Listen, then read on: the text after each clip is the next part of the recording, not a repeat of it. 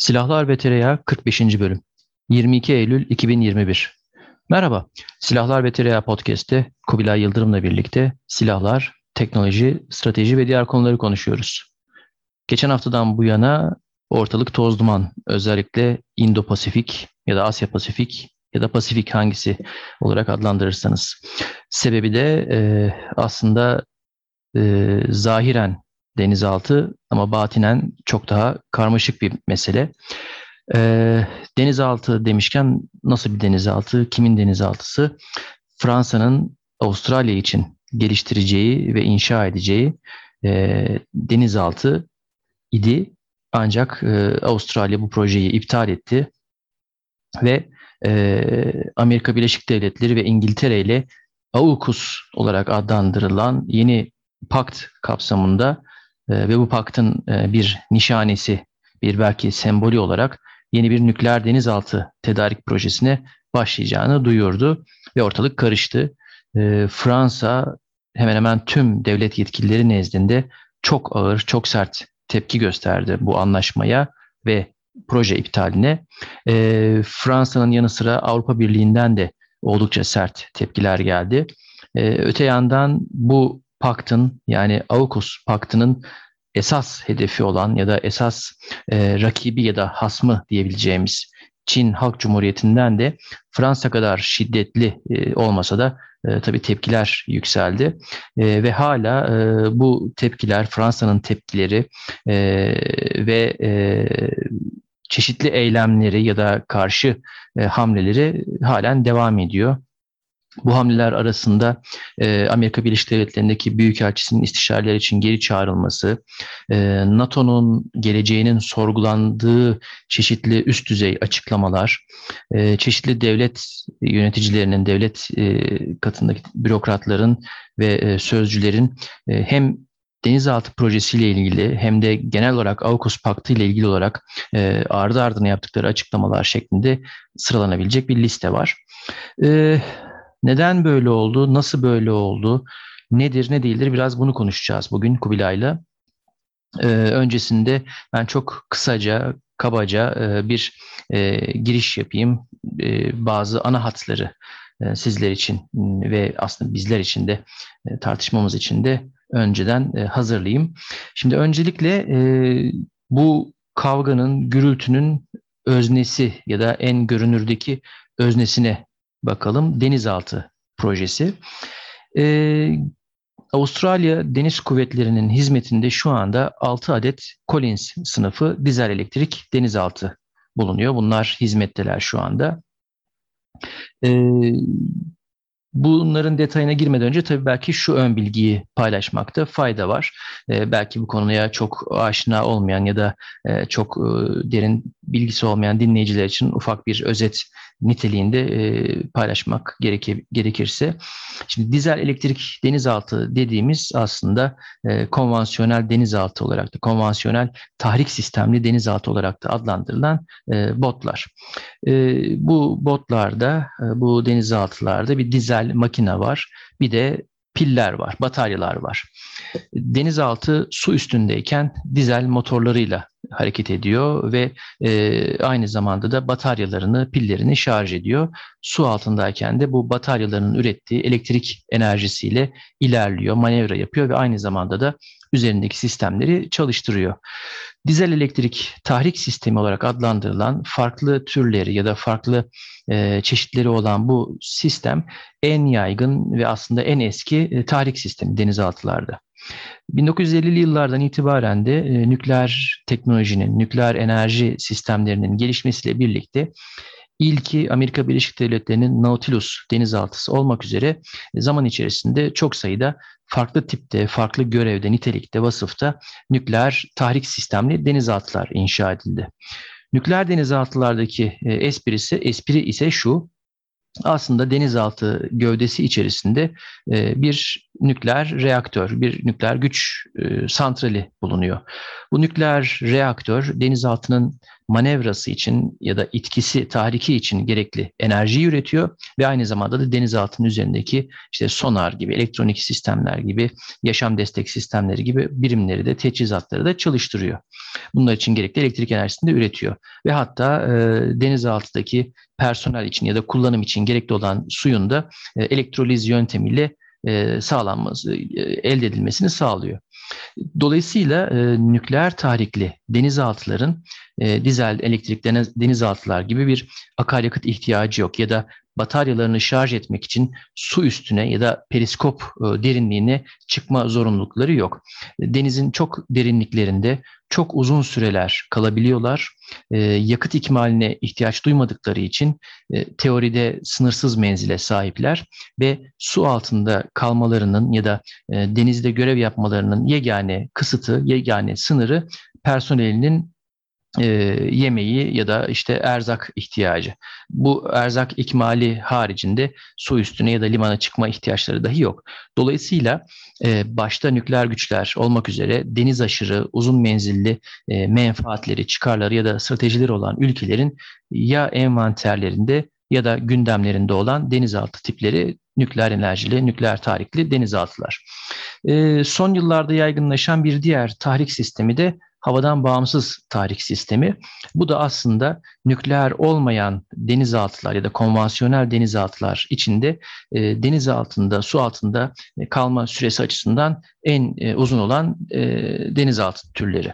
E, dizel elektrik denizaltılarda bataryaların şarjı için bot su üstüne ya da periskop derinliğine çıkmak zorunda e, temiz havayla e, hem hava e, depolarını doldurmak zorunda hem de bataryalarını şarj etmek durumunda. Ancak e, havadan bağımsız tarihli denizaltılarda e, bu bir çeşit kapalı çevrim e, sistem söz konusu ve e, denizaltı çok daha uzun süreler su altında kalabiliyor, su altında görevi yapabiliyor haftalar mertebesinde. E, çok kabaca, çok çok özet olarak bu şekilde denizaltı türlerini e, aktarmak, tarif etmek mümkün. Şimdi Avustralya meselesine geri dönecek olursak, e, bahsettiğim üzere Avustralya Deniz Kuvvetleri'nin envanterinde 6 adet Collins sınıfı dizel elektrik klasik konvansiyonel denizaltı mevcut ve Avustralya 2007 yılında bu denizaltıları değiştirmek için e, C-1000 ya da e, SA-1000 olarak yazılıyor. Türkçe olarak ifade edersek SA-1000 e, adıyla bir program başlattı, bir ihale başlattı. Bu ihale kapsamında da önde gelen iki aday vardı, iki yarışmacı vardı farklı ülkelerin farklı tasarımları yarıştı. Ancak kısa listeye dediğimiz yani en son düzlüğe e, Japonya ve Fransa kaldılar.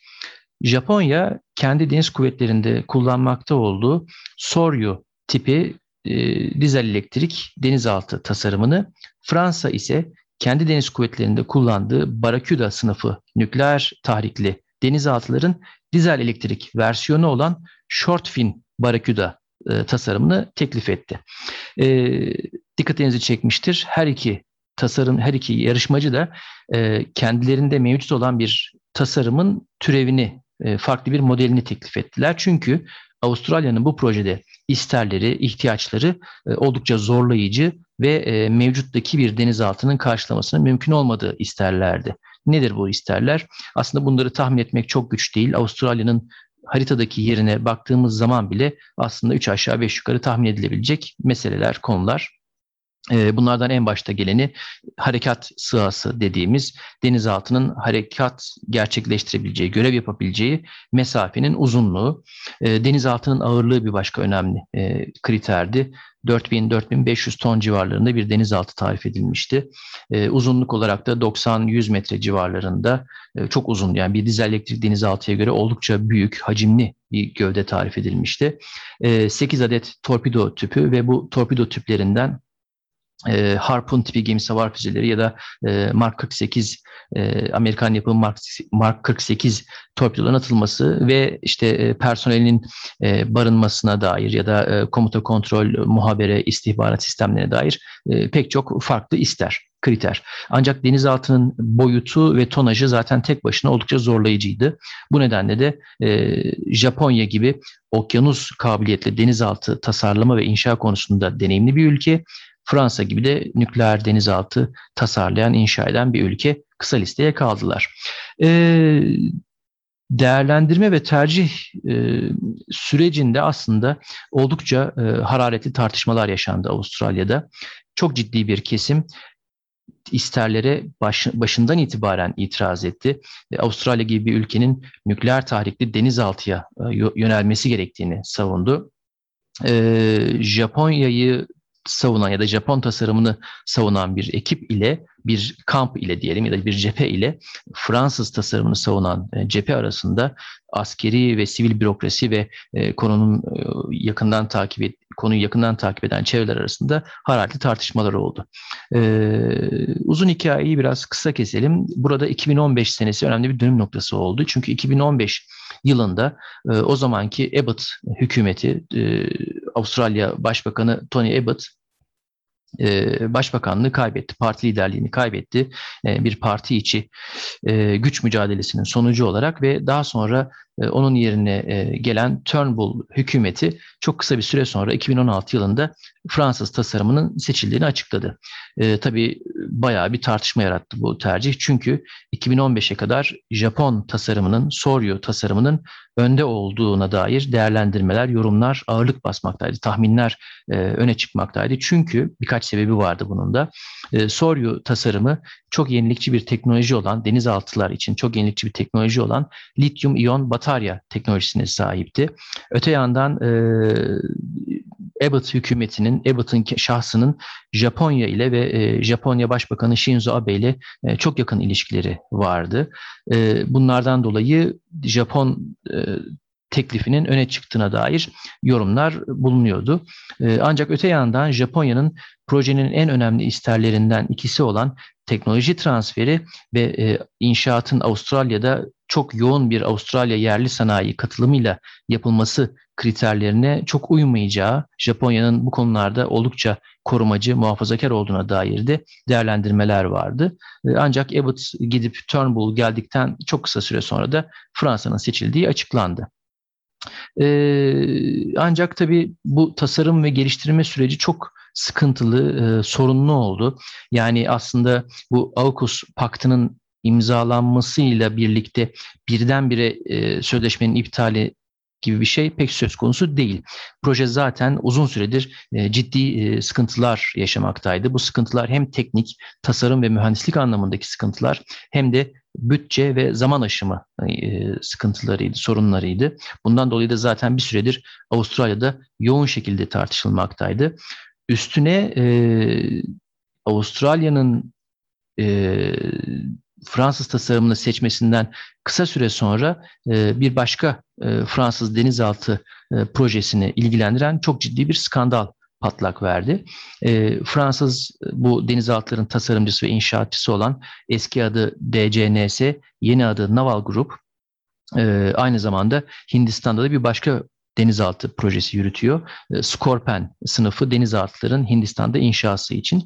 E, bu denizaltıların e, çok gizli tasarım bilgilerinin, teknik bilgilerinin, istihbarat, istihbari değer taşıyan bu bilgilerin ele geçirilmesi ve ifşası şeklinde patlak veren bir skandal oldu 2016 yılında.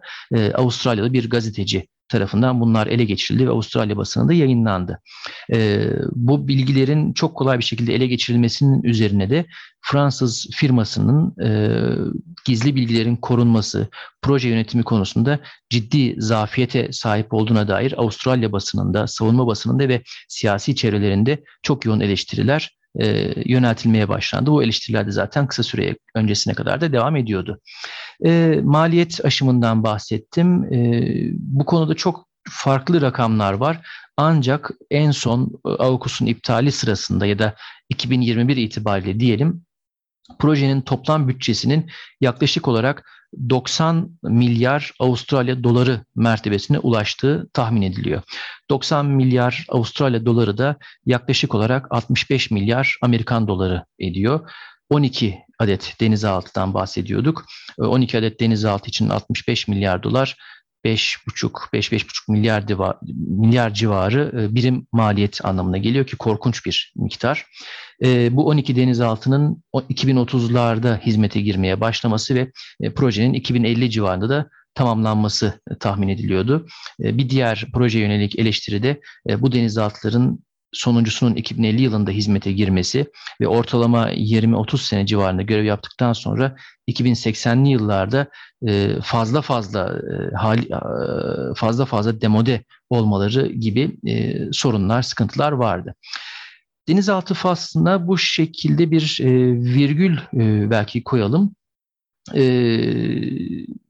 bu sorunların üst üste gelmesi ve daha sonra da e, Avustralya'nın e, Amerika Birleşik Devletleri ve İngiltere ile imzaladığı pakta e, bakalım. E, bu paktın aslında neyi hedeflediği son derece açık. E, Silahlar ve Tereyağın sadık dinleyicilerinin hemen ben söylemeden e, tahmin edeceği üzere Çin. E, zaten Fransa'dan sonra ilk tepkiyi gösteren ülkede Çin oldu. E, Çin'e karşı zaten Amerika Indo-Pasifik olarak adlandırdığı bu bölgede e, çeşitli bölgesel aktörlerle, yakın müttefikleriyle askeri ve güvenlik işbirliklerine giderek e, takviye ederek, geliştirerek bir çevreleme stratejisi e, izliyor. Bu askeri stratejinin en belki görünür, en medyatik ve sembolik örneği F-35 savaş uçağıydı. Nitekim İngiltere'de, Avustralya'da ve Amerika'nın bölgedeki diğer bir önemli çok e, çok önemli müttefiki olan Güney Kore'de F-35 savaş uçağının kullanıcıları hatta ve hatta e, Güney Kore ve Japonya ve aslında İngiltere'de F-35 savaş uçağının B yani kısa kalkış dikey iniş model modeline sahipler. E, bu ülkelerin yani e, Güney Kore, Japonya ve İngiltere'nin de uçak gemisi projelerine devam etmeleri ya da sahibi olmaları da çok fazla tesadüf değil. Aynı zamanda bu ülkeler e, uzun menzilli e, havadan yere ya da denizden satıha sehir füzeleri kabiliyetlerine sahipler. Amerika ile bu anlamda ortak bir mimariye, ortak bir envanter ya da uyumlu İngilizce tabiriyle interoperable bir envantere sahipler. E, bu örnekleri bu askeri sistem örneklerini çoğaltmak mümkün. Apache Taurus helikopterlerinden Avustralya'nın Hobart sınıfı hava savunma destroyerlerinde kullandığı e, Aegis hava savunma sistemlerine kadar pek çok e, alt başlıkta sistemde göreceğimiz üzere e, Amerika Birleşik Devletleri bu bölgede interoperable yani birlikte çalışabilir, uyumlu, eşgüdümlü bir e, askeri mekanizma kurarak, kurgulayarak Çin'e karşı bir çevreleme stratejisi e, izliyor. AUKUS paktını da bu kapsamda değerlendirmek mümkün. O zaman şu soru belki öne çıkıyor. Zaten bu sorunun da ben e, yanıtına dair e, belki ufak tefek geveleme yaptıktan sonra bu soruyu Kubilay'a sorarak e, kendi kısmımı kapatacağım.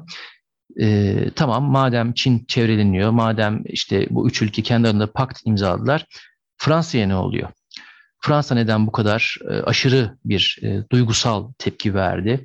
Neden koskoca nükleer güç, Avrupa Birliği'nin tek nükleer gücü bir gecede 6 yaşında bir çocuğa dönüştü? E, cevaplaması pek kolay olmayan bir soru çünkü hakikaten çok mantıklı değil. Hani e, South Park'ta vardı, e, izleyenler bilir. It doesn't make any sense diye böyle tekrar eden bir replik vardır. E, hakikaten Chewbacca savunmasında geçiyordu galiba. Hakikaten bir mantığı yok. Aslında bir mantığı var. Biraz e, yüzeyi kazıyınca tırnaklarımızla bazı bunun arkası, arka planında yatan hayal kırıklıklarını ya da e, sürpriz etkisini görmek, tahmin etmek, okumak mümkün. Bunlardan birincisi belki şu olabilir. Şu anda tabii e, spekülasyon yapıyorum. E, birincisi Fransa'nın ve aslında Avrupa'nın Fransa birlikte Almanya'nın diyebiliriz. E, bir süredir Asya Pasifik'e yönelik olarak e, yürütmekte olduğu bir açılım politikası vardı. E, bölgedeki aktörlerle siyasi, ekonomik, teknolojik ilişkilerini geliştirmek ve Indo-Pasifik ya da Asya-Pasifik bölgesindeki e, etkinliğini artırma yönünde bir strateji izliyordu. Bu anlamda da Avustralya önemli partnerlerden bir, bir tanesiydi. Hem Avustralya'nın kaybedilmesi hem de bu bölgede böyle güçlü bir paktın oluşturulması hem Fransa'ya hem de aslında Avrupa'ya, Avrupa Birliği'ne önemli bir darbe olmuş oldu. E, ikincisi e, Fransa'nın bir süredir Amerika Birleşik Devletleri'nden bağımsız bir güç olarak bir süper güç olmasa da, e, büyük bir majör bir güç olarak bazı ihtiras demek istemem belki ama emelleri, muratları vardı. Doğu Akdeniz'de biz bu emellere, bu ihtiraslara muhatap olduk, olmaya devam ediyoruz. Bu ihtirasların bir kısmı da Asya Pasifik bölgesindeydi. Bölge ülkeleriyle diplomatik askeri ilişkilerin geliştirilmesi ve bölgede çeşitli politikalarda söz sahibi olunması şeklinde özetlenebilecek bir siyasası vardı. Bu karizmada biraz faça yemiş oldu. Biraz bunun belki hayal kırıklığı. Bir diğeri de belki şu olabilir. Bu benim tabii aslında tamamen spekülasyonum. Gösterilen duygusal tepkiden yola çıkarak şu yorumu yapmak mümkün. Burada belki Fransa gerçek anlamda bu böyle bir hamleyi beklemiyordu. Hatta belki e, Fransa çok farklı bir beklenti içerisindeydi. Belki kendisine farklı sözler verilmişti ya da Fransa farklı bir izlenim içerisinde, beklenti içerisindeydi. E, tamamen 180 derece farklı bir gelişmeyle karşı karşıya kalmış olmanın yarattığı bu stratejik sürpriz etkisi olmuş olabilir. E, ancak birdenbire şöyle bir şeyle karşı karşıya kaldık. Kısa süre önce NATO'nun beyin ölümünü gerçekleştiğini söyleyen Fransa, Emmanuel Macron şimdi e, NATO'dan çıkmayı ya da e, NATO'nun etkinliğini e, sorgulamayı e, sorgular hale geldi. E, bu da bir garip tezat. Hani madem beyin ölümü gerçekleşmişti e, konuyu NATO nezdinde neden gündeme getiriyorsun diye sorarlar. Ben de soruyorum Kubilay sen ne diyorsun? Fransa neden böyle çıldırdı? Bu denizaltı ne anlam ifade ediyor? AUKUS ne anlam ifade ediyor? Hadi biraz sen de anlat, ben de anlamaya çalışayım, dinleyicilerimiz de anlamaya çalışsın. Ya işte e, bizim silahlar ve tereyağında herhalde e, az giydirmemişizdir Fransa'ya. E, bu garip e, maceraları vesaireleri falan sebebiyle. Evet NATO'nun e, beyin ölümü e, gerçekleşti de daha yani yemeksiz, yakıtsız bırakan şeylerin başında ya da ümüğüne çöken e, şeylerin başında da Fransa e, geliyor aslında. E, bunlar böyle biraz garip ülkeler. Fransa özellikle gerçekten enteresan bir ülke. Zaten hep de öyleydi. İşte bütün bu e, NATO ile olan ilişkisi, iletişimi, e, şeyleri, e, bu nazlı niyazlı, e, inişli çıkışlı ilişkisi e, e, biraz aslında bu durumu özetliyor. Malum işte De Gaulle döneminde askeri taraftan çıktı vesaire sonra geri girdi. E, şeydir Fransız e, silahlı kuvvetleri genelde yüzde 90 küsürler mertebesinde e, şeydir Fransızdır. E, şey dışarıdan pek fazla bir şey yoktur. Alt komponent fazlaca kullanmazlar e, işte sensöründen bilmem nesinden en küçük komponentinden daha büyük şeylerine kadar hemen hemen her şeyi kendisi üretir kendisi yapar, kendisi tasarlar. Her şeyden birazcık bir şeyler vardır. Kendince konseptler geliştirir. Başkasının şeylerine fazla takılmaz falan filan. Öyle garip bir ülke. E, Hakeza bu da işte kendi şeyi de öyle. Kendi paranoyaları da öyle. Kendi politikaları vesairedir de öyle. E, e, beni açıkçası bu konuda bu denizaltı meselesinde böyle nasırına basılmış gibi bağırması ne yalan söyleyeyim şaşırttı.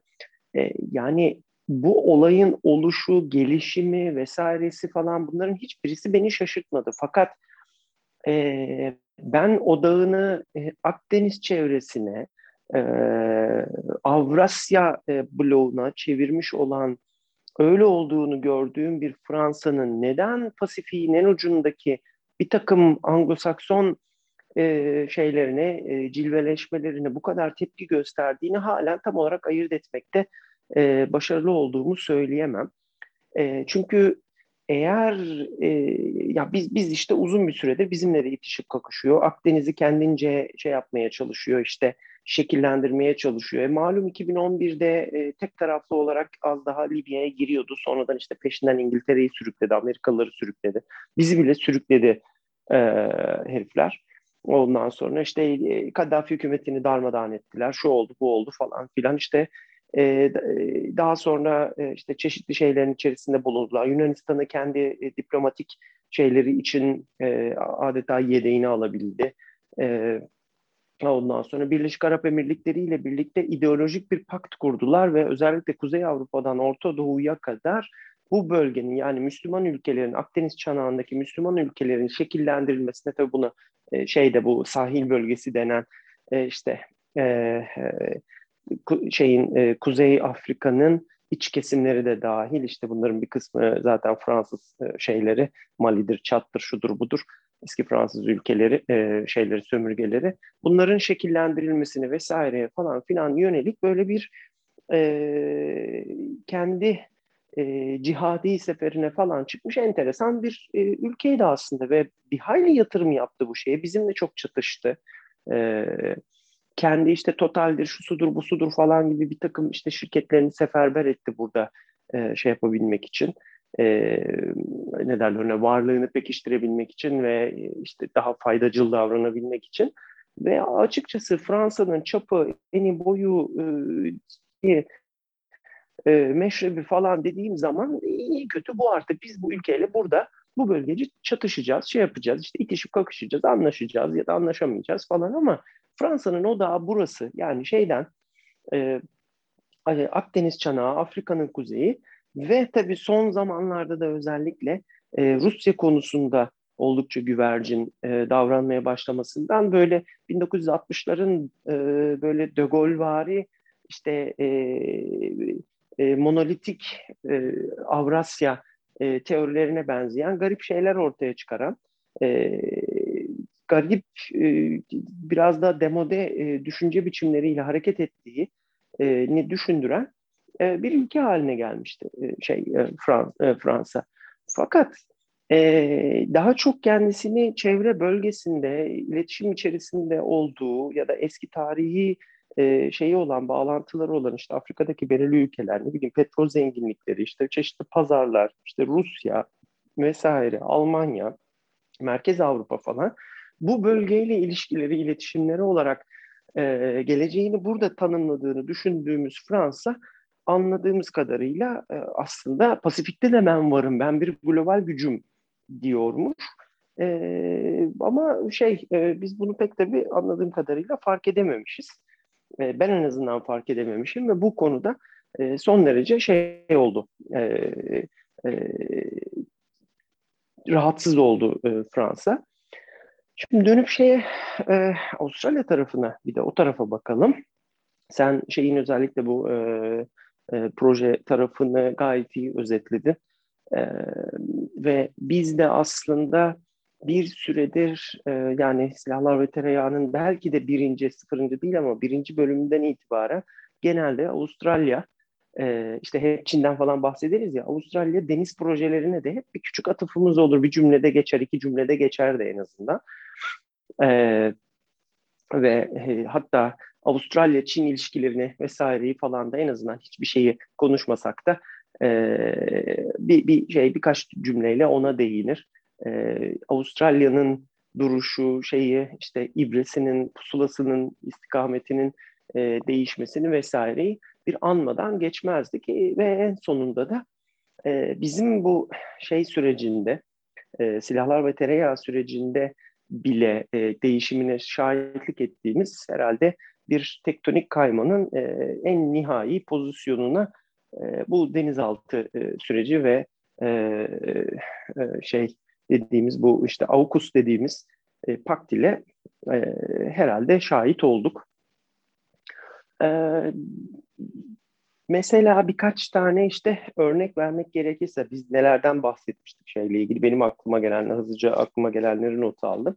E, mesela şeylerin Avustralyalıların e, Fırkateyn projesinden bahsetmiştik. Tip 26'nın bir türevi olan e, Fırkateyn projesinden. Evet, Bu evet. mesela ö- önemli, enteresan bir proje olarak bunu biraz da diğer şeylere göre detaylı olarak andığımızı ben hatırlıyorum. Çünkü e, bu e, yanlış hatırlamıyorsam eldeki Hobart'ların yerine geçecek olan bir şeydi. Hunter sınıfı dedikleri yeni denizaltı şey e, yeni gemiler.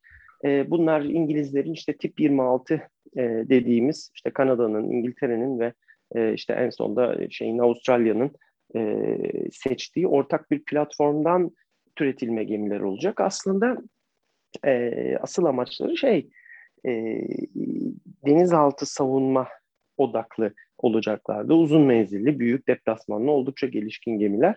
Beni hayrete düşüren şeylerden bir tanesi de tabii üzerinde işte Aegis sisteminin olması, savaş yönetimi sisteminin olması. Bu go normal gerçi, bunda çok tuhaf bir şey yok ama e, geminin bir e, şey e, e, e, denizaltı savunma e, özellikli bir gemi olmasına rağmen çok ciddi bir hava savunma altyapısının olması. Evet. E, geminin e, bir kere deplasmanının da şeyinin de enerjisinin de yükünün de ciddi bir kısmı üzerindeki e, diki, dikine atış şeyleri, lançerleri, Mak 41'ler ve e, daha da önemlisi tepesindeki kocaman e, mastı taşıyacağı e, ISR radarlar grubuydu. Yani L band uzun menzilli arama ve aynı zamanda da e, S-band S-band'da S-band'da e, çalışan ayrı birer dörder şey sekiz e, yüzey kocaman e, işte şeyin e, CFAR'ın e, şeyleri var. E, CAE'nin ürettiği CFAR radar sistemi e, olacak. İşte o entegre mast olacak vesaire falan filan. Bu, bundan bir bölümümüzde ya aslında daha çok yavaş gitmesi, sessiz olması falan beklenen bir denizaltı savunma gemisinde işte Aegis'in full kapasite şeyinin e, ne derler ona e, sisteminin olması bir sürü Mach 41'in gerçekten yani yakın savunma için olabilir ama e, bunda büyük Mach 41'ler olacak. Ondan sonra ve işte AESA radarların bu kadar uzun menzilli AESA radarların olması, bunların soğutma gereksinimleri vesaireleri, bir sürü pompanın çalışacak olması şudur budur. Aslında biraz çelişen isterler ama tabii Çin bölgesinin, Çin'in olduğu bir yerde, Pasifik bölgesinde herhangi bir büyük platformun hayatta kalabilmesi için artık bunlar gerekli falan filan diye konuşmuştuk. Hemen sana bir Kubilay hemen e, sözünü Söyle. unutma bir ufak parantezde katkı yapayım. E, şimdi bu gemiler e, Anzac sınıfının yerine geçecek. Anzac sınıfı 3600 ton. E, Hunter sınıfı olarak adlandırılan bu gemiler 8800 ton. 9000 tona yakın. Doğru. E, dedin, Yani sen söyledin işte L-band ve S-band radarlar var. Karina'ya monteli sonar, çekili sonar, Doğru. değişken derinlikli sonar Doğru. da var. Yani e, artık fırkateyn e, tanımını bir hayli zorlayan, destroyere yani evet. ya, yakınsayan e, çok ciddi bir gemi haline geldi. Doğru. Doğru aynen. Ya geleceğin e, tehdit ortamında hayatta kalabilecek çok yönlü e, fırkateyn platformunun da az çok böyle bir şey olacağını falan konuştuğumuzu hatırlıyorum. O bakımdan bir örnek verdiğimizi hatırlıyorum. Bizim TF 2000'in de her ne kadar biz hava savunma fırkateyni falan filan desek de e, artık tasarlanıp envantere girdiği süreçte de e, az çok böyle bir şey olacağını ve bizim hava savunma fırkateyni dediğimiz şeyin aslında bizim gelecekteki e, şey genel maksat neredeyse destroyerimiz haline geleceğini falan filan konuşmuştuk. E, bu biraz e, bu kadar çok lakırdı etmemin sebebi bu tip 26 ile şeyle ilgili Hunter e, sınıfıyla ilgili sebebi evet yani Avustralya'nın demek ki e, tehdit algısı gelişiyor, de, değişiyor ve e, şey Çin'i, açık denizleri, e, onların ticaret yollarının e, güven içerisinde e, çalışmaya devam edebilmesini artık Avustralya'nın daha da fazla ciddiye aldığını gösteriyor. Nedir diyeceksiniz? Avustralya'nın aslında şeyi e, ekonomisi şeyle çok entegre. E, Çin'le çok entegre. Bu çok e, şimdi biraz birazcık özetlemeye çalışacağım. E, Avustralya'nın e, en büyük tabii ticari partneri şey Çin. E, Çin e, çok hatırı sayılır miktardaki e, bu hani sürekli eleştirildiği kömür yakıyorsun hala yeni kömür santrali kuruyorsun ıvır zıvır falan filan gibi şeylerle itham edildiği o ülkesinde yaktığı kömürün ciddi bir kısmını Avustralya'dan tedarik ediyor. E, Avustralya aynı zamanda da e, çok ciddi bir şey üreticisi. E, e, doğalgaz ve petrol üreticisi. E, Çin bu bakımdan da en yakındaki şeylerinden bir tanesi, en büyük müşterilerinden biri. En büyük müşterisi Avustralya'nın. E, ve e, Çin ile Avustralya'nın arasında aslında çok çok sıkı böyle iki tarafında faydalandığı çok ciddi bir şey var. E, iletişim var. Aynı zamanda e, Avustralya üniversitelerine Çinli öğrenciler vesilesiyle parasını verip e, gelen Çinli öğrenciler vesilesiyle inanılmaz para akıyor. Aynı zamanda bu çocuklar geliyorlar orada raici ve hatta raicinin üzerinde paraları evler kiralıyorlar vesaire yapıyorlar falan. E, aynı zamanda e, Çinli zenginler için e, yurt dışına e, para çıkarmanın bir metodu. Yurt dışında e, emlak yatırımı yapmak, gayrimenkul yatırımı yapmak. Avustralya bu bakımda e, Çin e, şeyini parasını e, çeken e, belli başlı şeylerden ülkelerden bir tanesiydi. Avustralya büyük şehirlerindeki büyük gayrimenkul yatırımlarının arkasında genelde de şeyler var, Çinliler var. Ve zaten e, şeyde de Avustralya'da da genelde Çin'le arası oldukça iyi. Çok şey bu bu karşılıklı ticaretten oldukça memnun.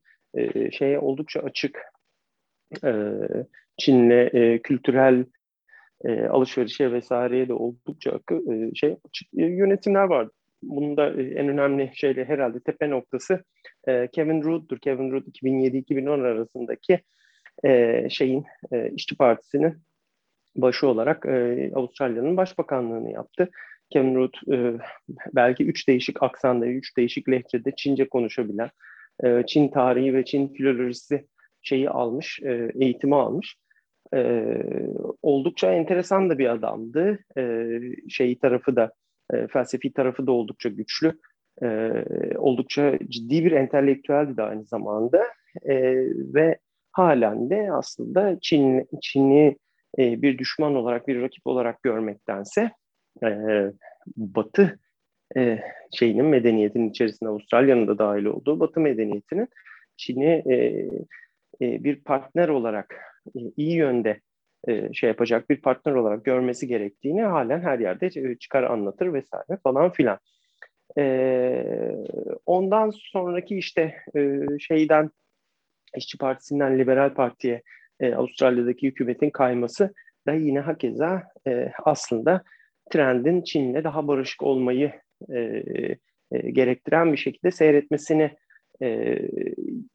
şey yapardı bize e, düşündürürdü ama herhalde şeyden sonra bunun tam tam tarihlerini e, şey yapmak şu sa şu saatten ya da şu olaydan sonra bu şey değişti demek e, kolay değil ama e, son birkaç yılda rüzgarın tamamen tersine döndüğünü ve Avustralya ile Çin arasında artık böyle sert resleşmelerin olmaya başladığını bu hiç görülmezdi. Ondan sonra ve e, Avustralya'nın da ciddi bir şekilde e, şeye doğru e, Amerikan e, tarafına doğru kaydığını, rengini belli etmeye başladığını falan filan görüyorduk. En sonunda da işte e, şey buraya geldi. E, AUKUS paktı ile de e, geri dönülmez ve çok açık bir e, şeye doğru e, kamplaşmaya doğru geldi, kilitlendi. E, şimdi şeyler bu denizaltı meselesi e, te, kendi başına bu kadar önemli bir şerit değiştirmeyi ya da ani bir kırılmayı şey yapar mı? E, e, söyler mi bize? E, aslında evet. E, çünkü e, nükleer denizaltı dediğimiz e, konu çok kolay bir şey değil. E, herhangi bir mesele değil yahut da dizel elektrik bir denizaltının daha uzun menzillisi falanı filanı değil. Bu başlı başına bir şey. E, burada e, biraz belki denizaltı doktrininden çok hızlıca e, bir miktar bahsetmek lazım. E, bu da Batı dünyası için e, nükleer denizaltı demek birkaç şey ifade ediyor. Bunlardan bir tanesi e, nükleer triyadın e, bir parçası olması. E, yani e, İngiltere içinde, e, Amerikalılar içinde, e, kısmen Fransızlar içinde e, nükleer denizaltılar büyük okyanusların içerisinde kaybolarak e, düşmanın e, tespit ed, e, edilme şeyin e, riskinden e, bir yani bir şekilde istediği zamanda, istediği yerde ve belki de bir majör şeyden sonra e, e, çarpışmadan, nükleer çarpışmadan sonra artık e, taraflar e, birbirlerinin e, nükleer kuvvetlerini vurup tükettikten sonra denizin içerisinde kaybolarak ikinci, üçüncü saldırılar e, yapabilme kabiliyetini temsil ediyor. Bunun için oldukça önemli. Mesela Amerikalılar için oldukça önemli. Nükleer aslında Amerika'nın birincil nükleer ayağı e, şey e, nükleer denizaltıları. Buradaki işte bizim SSBN dediğimiz balistik e, nükleer başlıklı balistik füze taşıyan e, şeyler, e, nükleer denizaltılar. E, İngiltere için e, kısmen öyle. E, kısmen değil aslında yani şu anda nükleer gücü şeyin o, e, İngiltere'nin o. E, ve şeyin de e, ne derler ona e, Avustralya için de az çok buna benzer bir görev ifa edeceğini düşünmek mümkün. Burada tabii ya iyice saçmaladın denilebilir çünkü bir şeyi yok, nükleer silahı yok şeyi.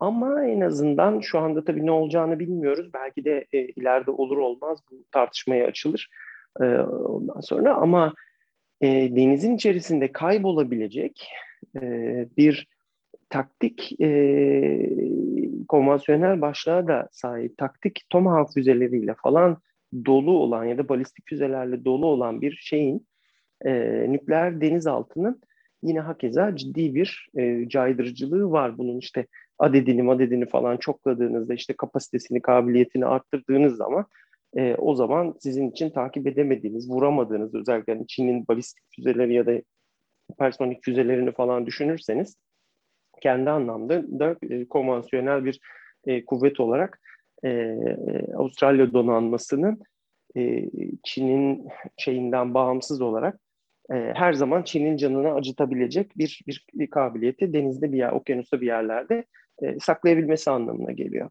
Bir diğer noktada tabii hız. E, daha tabii denizaltıların konfigürasyonlarını falan bilmiyoruz. Ne olacak, ne bitecek? Yani reaktörü oradan gelecek de şeyi e, işte tasarımı İngiltere'den mi gelecek? Böyle nasıl bir hibrit olacak? Yoksa Amerikan denizaltılarının bir şeyi mi olacak? Kopyası mı olacak? Bunların hiçbirisini bilmiyoruz aslında. Bunlar netleşir herhalde ileride. Ama önemli şeylerden bir tanesi de hız. Ee, bu avcı denizaltı, özellikle Amerikalıların avcı denizaltıları falan dediğimiz şey bunlar 25 knotların falan üzerinde hız yapabilen dal, dalmış halde ve bunu aylarca bu hızda e, şey yapabilen, seyredebilen gemiler.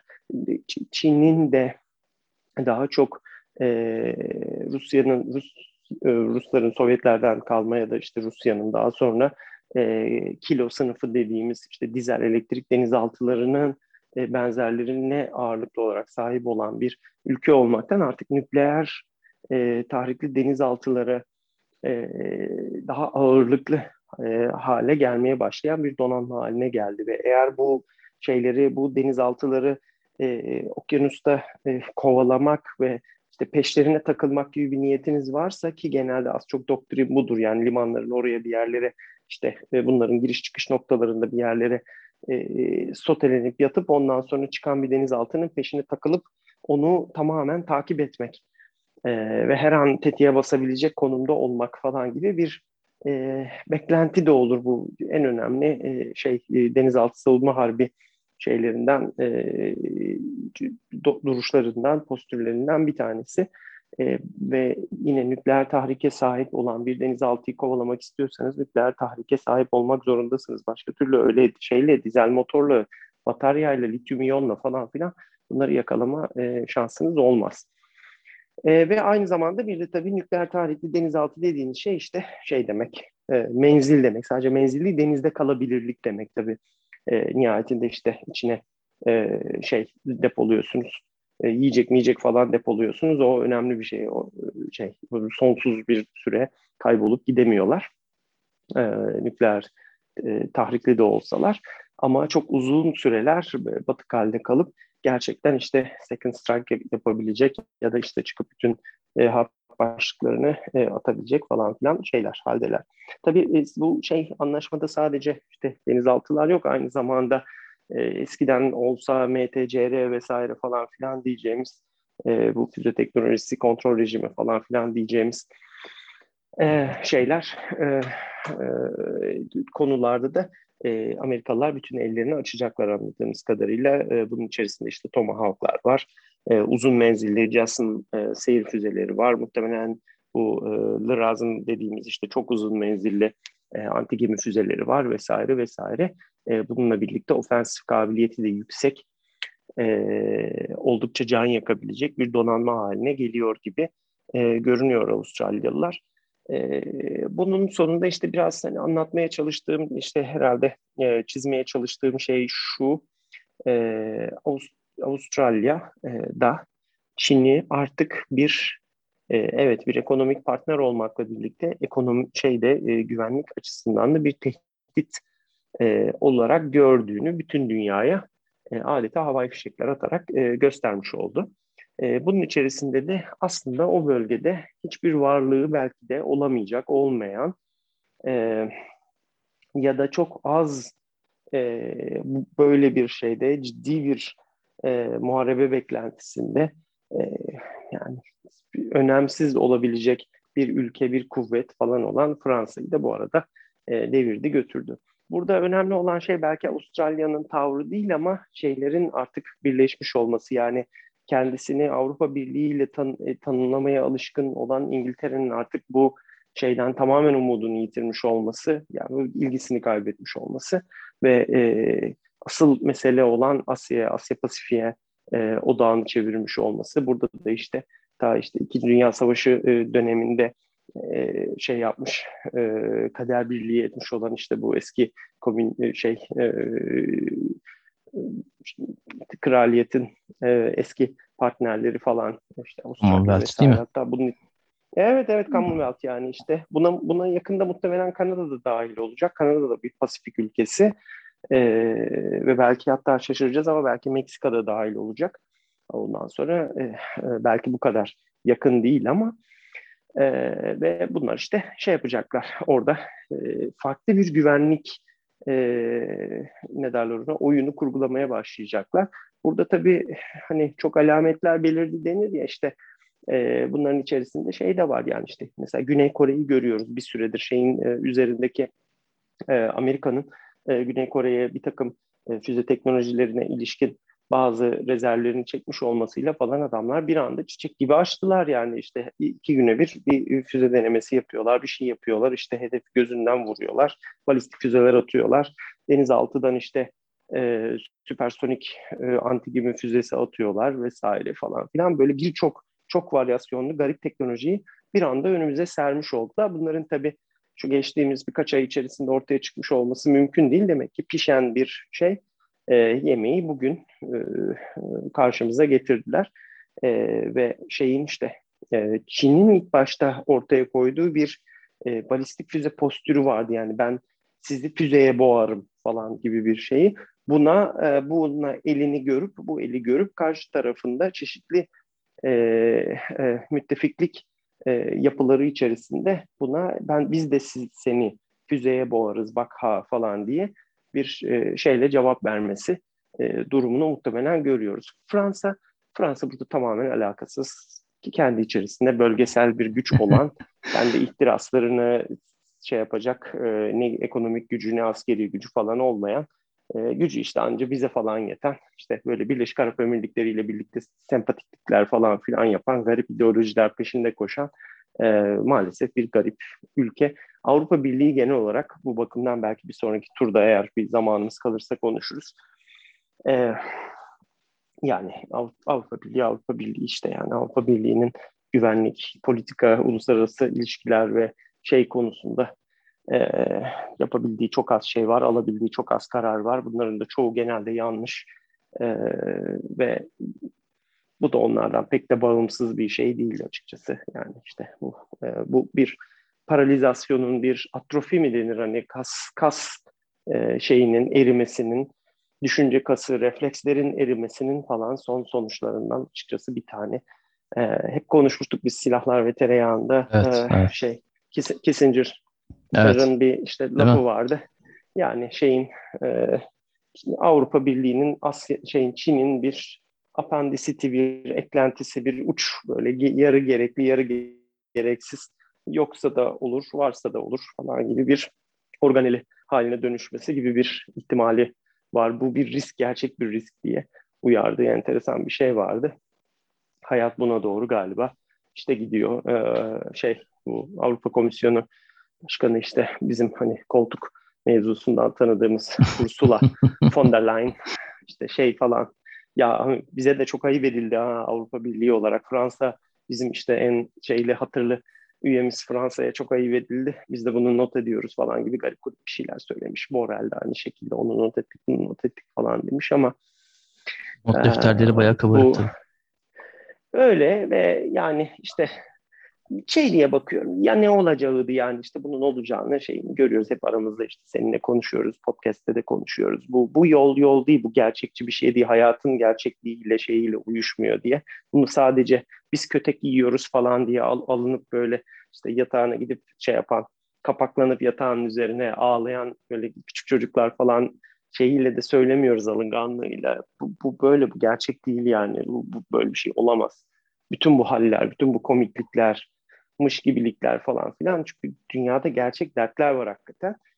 Ee, biz Türkiye olarak bu gerçek dertlere abuk subuk önerilerle gittiğimiz zaman yediğimiz köteğin adli hesabı kalmadı. Niyeyse Avrupalılarda sanki böyle bir şey yok gibi ama var işte oluyor yani böyle oluyor gittikçe yavaş yavaş e, silikleşip kayboluyorsun. Bence e, çok çok abartılı gelebilir ama biraz o süreci yaşıyor Avrupalılar da maalesef kusura bakmasınlar.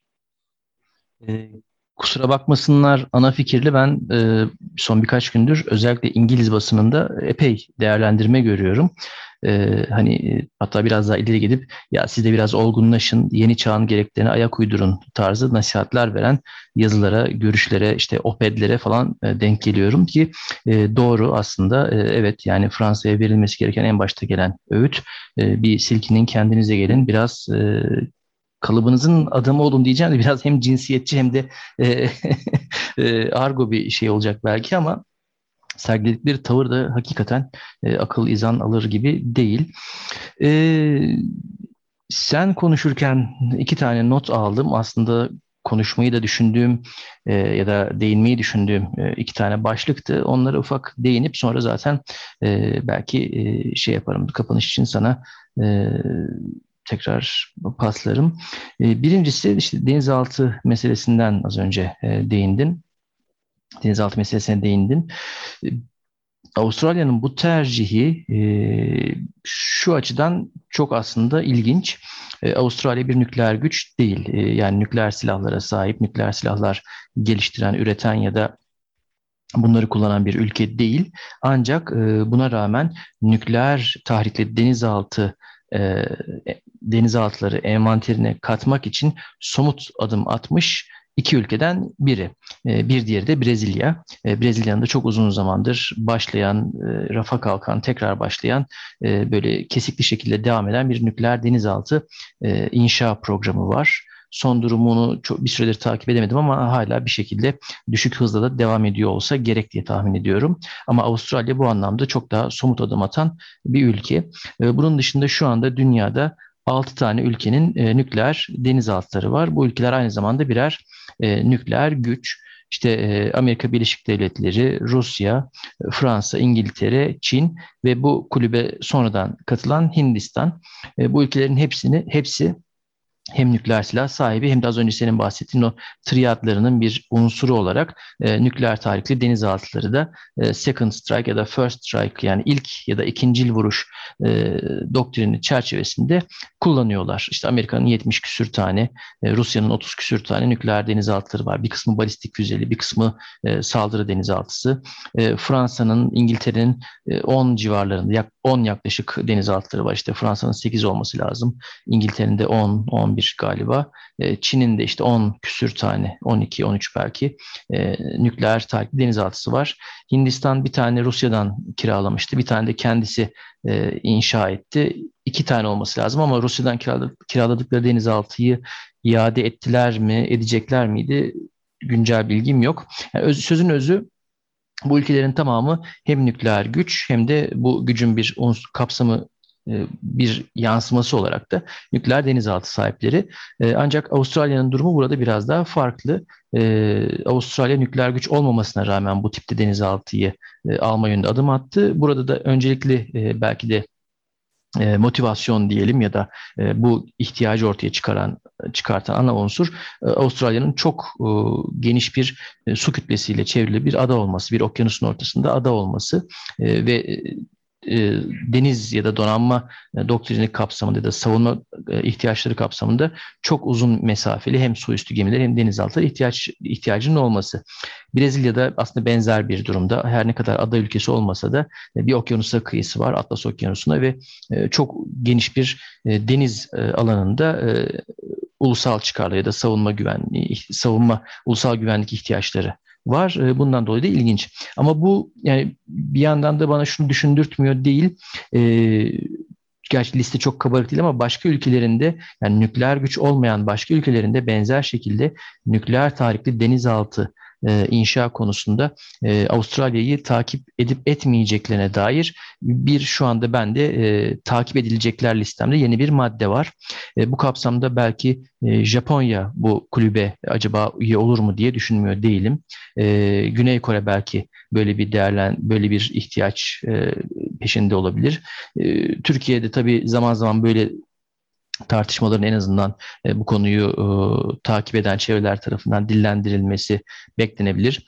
E, Kanada'nın dahi belki e, o çok e, bahtsız e, Victoria sınıfı denizaltılardan sonra nükleer denizaltıya e, yönelip yönelmeyeceğine dair e, en azından bir entelektüel merak e, konusu olarak e, benim kafamı kurcal, kurcalamaya başladı. E, çünkü nükleer... Ben şeyini sözünü keseyim tabii, tabii, senin. Lütfen, lütfen. Ee, şey hani öyle e, yani nükleer denizaltıya, nükleer takatli bir şeye, bir yüzen falan bir şeye geçmek o kadar aslında ciddi bir e, paradigma değişimi ki o kadar Tabii. büyük bir maliyetin altına giriyorsun ki ya şey e, yani bu işte nükleer reaktörlerin bakımı, Bakımı tutumu, değil mi? nükleer ya tabii işte yakıt değişimi vesairesi Ondan sonra nasıl işte e, dekomisyon edeceksin, ne yapacaksın falan bunların Depolanması. şeyleri e, depolanması falan o kadar büyük hele ki batılı kültürler için yani Çin için çok daha kolay ama yani e, bir e, bir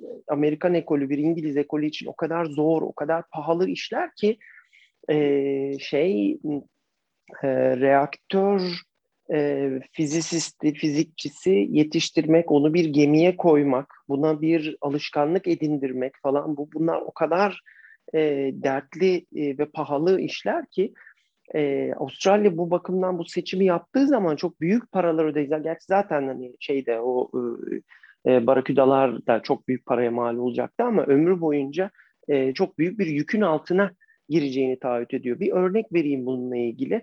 Tabii. Şeyin elinde, Amerika, Amerikan donanmasının elinde yaklaşık 70'e yakın SSN, SSBN falan nükleer denizaltı var ve 70'e yakın nükleer işte Evet. şey var, reaktör var. E, şeyde denizaltılarda. E, ve aynı zamanda da işte kimisinde ikişer, kimisinde dörder falan olmak üzere bu 11-12 e, nükleer uçak gemisinde reaktörler var. Ve dolayısıyla e, Amerika Birleşik Devletleri, e, Amerikan donanmasında yüze yakın e, 90 küsür tane şey var, nükleer reaktör var. Bir iki tane de deneysel reaktörler, bilmem neler falan filan var. Bunların nükleer e, Amerikan donanmasının senelik bakım, tutum vesaire idame e, bütçesinin yüzde 85'ini bu nükleer e, platformlar şey yapıyor.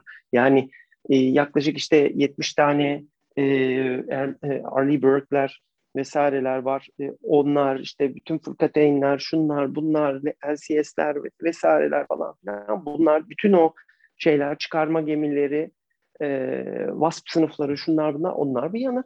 Ondan sonra yaklaşık e, bu, bu şeylerin e, türbinli vesaireli falan gemilerin 8, 9 belki 10 katı e, çok daha yüksek şeyleri var. E, idame masrafları var bu şeylerin, e, nükleer sistemlerin. E, bunu dahi göze alarak şey yapıyorlar. E, bu e, Avustralya böyle bir seçimi yaptı. Az önce Kanada dedin. İşte ben de az önce onu söylemeye çalışıyordum. Muhtemelen Kanada'da bir süre sonra o şeyin içerisine girecek. Güney Kore ve Japonya'yı bir daha belki düşünmek lazım. Bilemiyorum. Onlar çok daha yakınlar şeye. E, Çin'e dolayısıyla belki gerek duymayabilirler bu, bu tür masraflarından falan dolayı. Ama onun kıyısında falan filan muhtemelen gezecekler e, bu iki ülkede.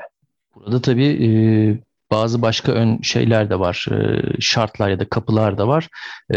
Tahrik sistemlerindeki belki ya da e, enerji sistemlerindeki e, teknolojideki gelişmeler ya da bunların işte maliyete, idameye, lojistiğe olası etkileri hani daha belki e, daha e, bütçe dostu e, tarih sistemleri o, geliştirilebilir mi, gelişir mi? Bu belki bir e, takip edilmesi gereken, e, donanma teknolojileri açısından takip edilmesi gereken bir konu olabilir.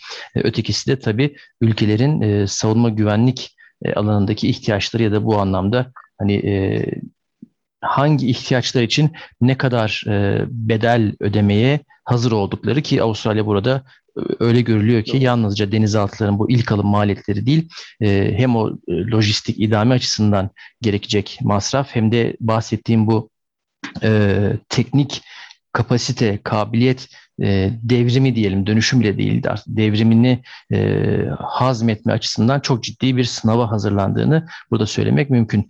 E, bölümün girişinde işte 12 denizaltı için 65 Amerikan milyar 65 milyar Amerikan doları gibi maliyetten bahsediyordu ki korkunç bir miktar. E, belki öyle bir bütçe, öyle bir fatura Avustralya'nın karşısına çıkacak ki e, Avustralya'da az olmayan sayıda insan ya acaba Fransız denizaltıları ucuz muydu belki diyebilecek bilmiyorum abartıyorum Kesin. belki ama Evet değil mi? Kesinlikle. Değil mi? Yani ben kesin böyle oldu. Yani ömür devir maliyetlerine bilmem nelere falan bakarsan Avustralya bunu ay bu iş çok pahalandı bilmem ne falan filan diye değil. Bu tamamen e, doktrin değişimi, aynen, tehdit algısı değişimi vesairesi falan dolayısıyla yaptı. E, yani istese Fransa da ona nükleer denizaltı alır koyardı ama bu konuda da özellikle şeyi e, istemedi. Fransa'yla gitmeyi istemedi. Başka bir şeyin içerisinde olmayı istedi. Ben arada bir işte hep onu söylüyorum ya işte şey değişmeye başladı. Ee, evet hani tip 26 için mesela kendisine e, bir destroyer sınıfında neredeyse bir fırkateyn seçerken çok özelleştirilmiş bir İngiliz tasarımını daha da denize inmemiş bir İngiliz tasarımını seçti. Muhtemelen de biraz başı ağrıyacak ondan dolayı ama e, İngiltere için hep aynı şeyi söylüyorum. Bak bu Nimrod uçuran Evet, e, evet, evet. MR, MRA-4'lerle senelerce debelenip en sonunda hepsini hurdaya ayırmış falan. Ondan sonra Apache'yi kendi ülkesinde üretmiş, kendi ülkesinde ürettiği gibi aynı zamanda da kendi motorlarıyla Motorlu, daha yüksek güçlü motorlarıyla uçurmuş. Ondan sonra işte Chinook almış, Chinook'u kendi kokpit şeyiyle e, modernize etmeye çalışmış, beceremeyip orijinaline geri dönmüş falan filan e, böyle sürekli bir şeylere kendi yerli katkısını koyan, kendisine göre doktrin geliştiren vesaire falan filan ıvır zıvır bir şey. Bir e, ülke olmasına rağmen bunların hepsini kesti.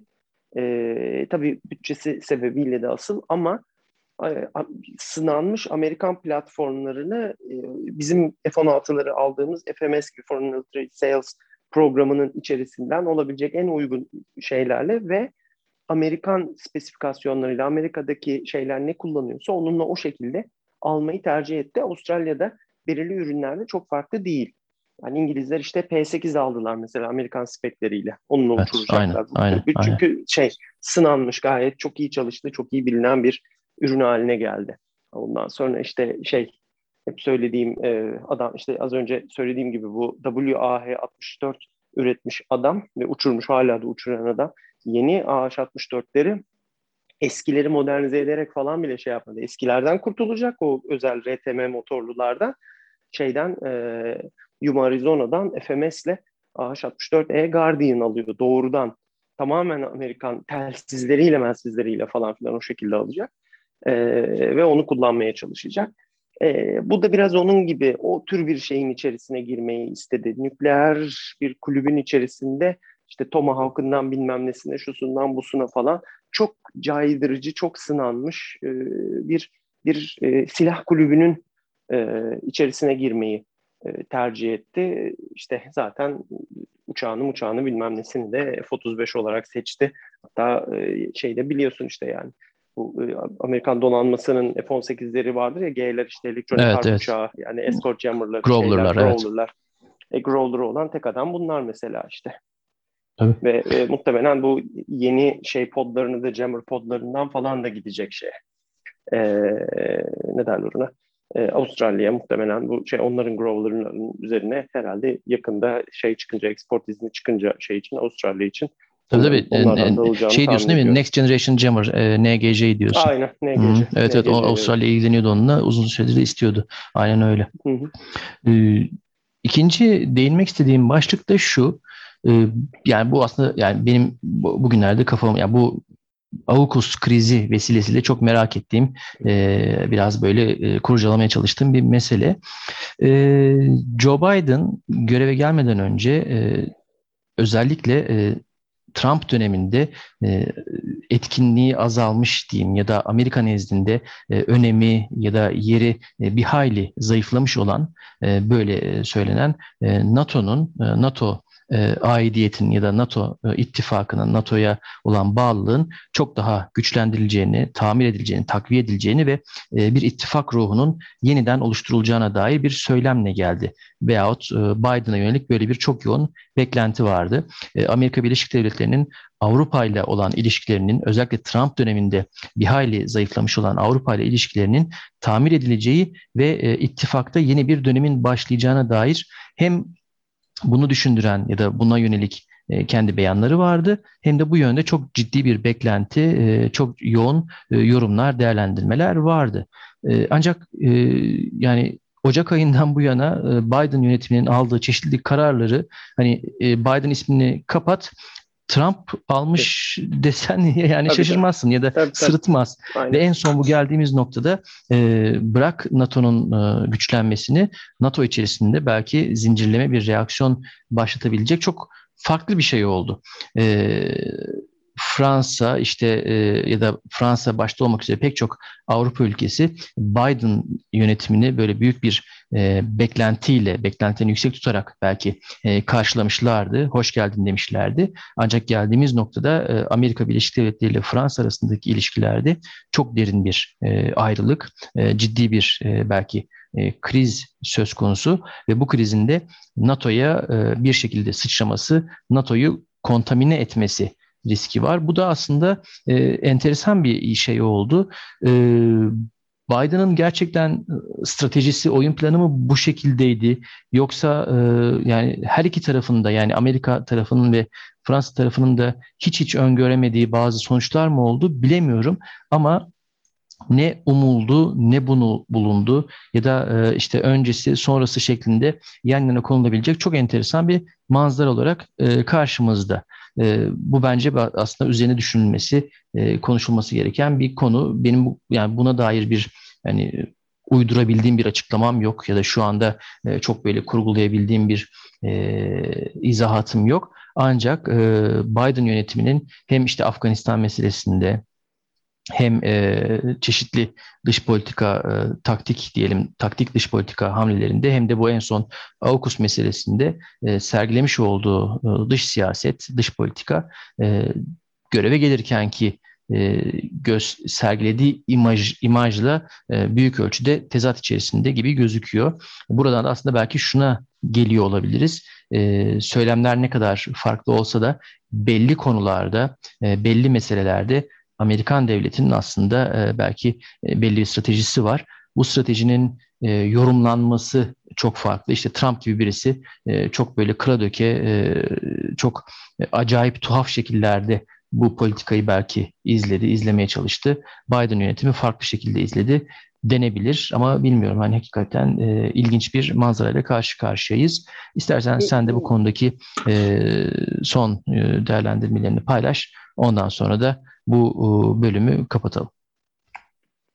Ya şeyin e, ben bu NATO mevzusunu çok çok da ciddiye almıyordum eskiden beri. Yani Trump mevzusunun da Trump'la ilgili şikayetlerin de birçoğunu e, çok ciddiye almıyordum. Bunu da söylüyordum da podcast'te şurada burada falan filan. Ve yani bu, Trump çok hödük bir herif, çok hırt bir herif, şudur budur falan filan ve işte şeyleri de var. Ee, işte iyi kötü artık ortaya çıkmaya başladı. Onu destekleyen, getiren, şey yapan e, işte mali olarak vesaire de şey yapan e, ülkelerin aslında belki de Rusya, Musya falan filan olmadığı çok başka söylüyorduk biliyorsun. Başka başka ülkeler olduğunu e, şeyde bunlar da biraz daha herhalde aşikar ortaya çıkmıştır. pek göründüğü gibi bize anlatıldığı, bize satıldığı gibi falan bir bir şey değildi o ama nihayetinde işte e, ortalıkta belirli gerçekler, belirli sıkıntılar var. Amerikalıların ticaretle ilgili, iş, işsizlikle ilgili, şununla bununla falan ilgili. E, Trump da onların kötü bir meyvesiydi işte. E, yani ama e, o meseleler Trump var diye e, ya da yok diye ortadan kaybolmuyor. Trump biraz farklı bir kırılma noktasıydı Amerikalılar için ama Biden da evet benzer şeyleri ya ulan elinizi de cebinize atın ya falan filan demeye başladı şeye zaten başından beri de öyleydi. Bunu Obama da söylüyordu. İlk, ilk anlatan da Obama'ydı zaten bunları. Ee, işte Avrupalılara vesairelere falan. Ee, orada tabii şeyin e, Trump'la e, e, özellikle en başta hani Amerika'daki şeyler tabii çok çok ciddi şekilde e, dövmeye çalıştıkları için Trump'ı ki hak ediyordu herifte yani yaptığı her şeyle. E, biz o sisin pusun arasında pek e, ayırt etmekte e, zorlandık ama şey, şey de e, ne derler ona Trump'ın Trump döneminin baktığı e, basit parametrelerden şeylerden bir tanesi işte dış ticaret dengesiydi kendi ülkesinin ve burada da hani e, Almanya'nın özel bir durumu vardı. Almanya'ya karşı çok ciddi e, cari açık veriyordu e, şey Amerika ve e, Almanya'nın da çok Çin, pro Çin şeyinden dolayı e, Çin'le olan ticaretine de e, frene basmaması, hiçbir tedbir almaması, şudur budur falan filan kendisiyle o trene binmemesi e, Rusya ile itişip kakışırken Rusya ile yatırım üstüne yatırım e, peşinde koşması falan işte şeyin e, Trump'ın e, şimşeklerini üzerine çekmesine falan filana sebep oldu. E, Fransa'nın mesela Trump'la böyle pek de bir derdi yoktu. Macron'la falan da e, gayet güzel e, e, öpüşüp sarılıyorlardı. Şey olarak belki işte e, yani sanki değilmiş e, öyle bir e, aralarında e, şey yokmuş gibi falan filan davransa da e, Fransa tarafı e, onun da basit bir şey var. E, Almanya kadar falan Amerika şey yapmıyor. E, e, cari açık vermiyor Fransa ile ticareti Almanya ile e, karşılaştırıldığı zaman e, Amerika'nın çok çok çok daha düşük. Dolayısıyla o limitin şeyin altında kaldı ve e, itilip kakılmadı. Zaten şeyin e, dönemin sonlarına doğru ve e, işte bu yakın zamanlarda e, Fransa'nın daha çok e, yani şey Trump döneminde e, Almanya çok dayak yedi. İşte e, şeyden dolayı bile Kuzey Akımı 2 e, boru hattından dolayı e, yani burada yine podcast'in daha önceki bölümlerinde e, konuşmuştuk ya Amerikan Kongresi'nin çatısı altında Almanya'ya yaptırım uygulanması falan gibi konular konuşuluyordu. Bu baya baya Trump dönemi bürokratlarının e, açıkça söylediği falan bir şeydi. Almanya çok şey verince, e, çok dayak yiyince hele ki Brexit'le de İngiltere ayrılıp tek nükleer güç, Avrupa Birliği'nin içerisindeki tek nükleer güç, tek ciddi ordu belki İtalya falan da şey yapılabilir. E, Fransa kalınca e, Fransızlar işte Macron biraz gaza geldi ve e, işte kendisini işte Avrupa Birliği'nin geleceğini şekillendiren e, Almanya ile farklı bir ilişki kuran merkezi şeyle Avrupa ile İtalya'yı İtalya'yı falanı filanı da İspanya'yı bu tür böyle hani ayak takımı de, diyeceği belki katma değer üretmekte ve daha başarısız olan e, ülkeleri dışlayan ve işte daha kuzeyli, daha şeyli Rusya ile işte bir pazar ve bir enerji kaynağı olarak e, daha çok işbirliği yapılmasını falan destekleyen bir e, şey e, politikanın çok seslendirir falan filan oldu. E, Trump bu dönemde seçilseydi eğer e, Macron bunları söyleyemezdi muhtemelen böyle böyle bir şeyi bu kadar e, köpeksiz köyde değneksiz gezemezdi açıkçası. Ama şeyde bir başarısı da yok genel olarak askeri olarak falan da bir başarısı yok. E, e, yani ufak tefek belki şeylerden bahsedilebilir ama e, Libya'nın içine etti, perişan olduk. Orada daha sonra ülke ikinci kez elden gidiyor diye işte bize karşı falan da Birleşik Arap Emirlikleri ile bir şeyler yapmaya falan filan kalktılar. O da olmadı tam olarak. İşte güya Mali tarafını falan toparlayacaktı. Ondan sonra e, onu da beceremedi. Şimdi Rusya orada iyice etkinliğini sağladı. Ee, aynen, Wagner aynen falan öyle. bayağı orada aktifmiş. Tabii tabii. Tabii tabii öyle öyle yani. Bu pek hani çok popüler değil belki frankofon basından falan filan diye çok takip edemiyoruz biraz daha içeride kalıyor falan ama e, saçma sapan bir hale geldi orası. E, çok ciddi de e, asker bulundurmak durumunda falan şeyde kalmak zorunda kaldılar. E, Amerikalılar bir hayli aslında özel kuvvetler işte şeyle o bölgedeki Afrika IŞİD'iyle e, mücadele için kuvvet e, şey yapmışlardı ama ondan sonra birkaç işte talihsiz olaydan sonra oradaki kuvveti de azalttılar Afrika içerisinde ve şeye döndüler tekrar işte drone'la drone'la sağ solu vurma e, operasyonlarına geri dönmeyi tercih ettiler daha risksiz.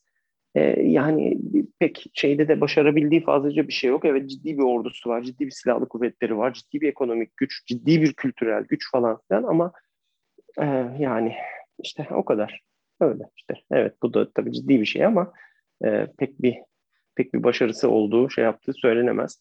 E, bunun da muhtemelen hani hep Afganistan'daki tahliyenin e, işte Biden için ne demek olacağını vesaireyi falan filan epeyce konuşuyoruz ama bu tür ıvır zıvır şeylerin tabii bir sonraki seçimde Macron için ne karşılığı olacağını tahmin etmek kolay değil. Ben Fransa siyasetini pek o kadar yakından takip edemiyorum açıkçası. Etmek de istemiyorum. Çok da sevmiyorum da zaten. ee, ama şey e, bakacağız göreceğiz bakalım ne olacak. Çok enteresan garip dönemler bunlar her zaman. Kaç senedir öyle zaten. iyice daha da daha da garipleşiyor işte. Ee, aslında bizler için de e, önemli dersler içeren bir belki süreç, bir kriz. E, ülkelerin kapasiteleri nispetinde e, amaçlar izlemeleri, hedefler peşinde koşmaları gerektiğini belki hatırlatan bir konu. Ülkelerin e, sahip oldukları kapasiteler ile sahip olduklarını düşündükleri kapasitelerin birbiriyle denk olması gerekiyor. Bu ikisi arasında düşünülen kapasite ya da murad edilen, hayal edilen, ihtiras edilen kapasite çok daha fazla ise yani daha da açık bir ifadeyle ülkeler kendilerini dev aynasında görüyor ise ve bu dev aynasındaki o, o çarpık çurpuk görüntü doğrultusunda bazı hedefler, hayaller, muratlar peşinde koşuyorlar ise sonucu 6 yaşındaki bir çocuk gibi e, sosyal medyada, televizyonlarda, gazetelerde böyle bağırış çağırış ayağına e, basılmış gibi e, haykırma olabiliyor. Bu anlamda da aslında önemli bir ders. Bizim de bu dersi iyi çalışmamız gerekiyor eğer bölgesel bir güç olma niyetimizde ciddiysek. Ee, devam eden bir kriz, e, dallanıp budaklanacak gibi gözüken ve e, bazı etkileri epey uzun vadeli olabilecek gibi olan bir kriz, bir süreç. E, bu süreci tabii ki takip etmeye, üzerinde e, düşünmeye ve gevezelik yapmaya devam edeceğiz. Ancak e, bu bölümlük bu kadar diyelim. Sonraki bölümlerde görüşmek üzere. Dinlediğiniz için teşekkürler.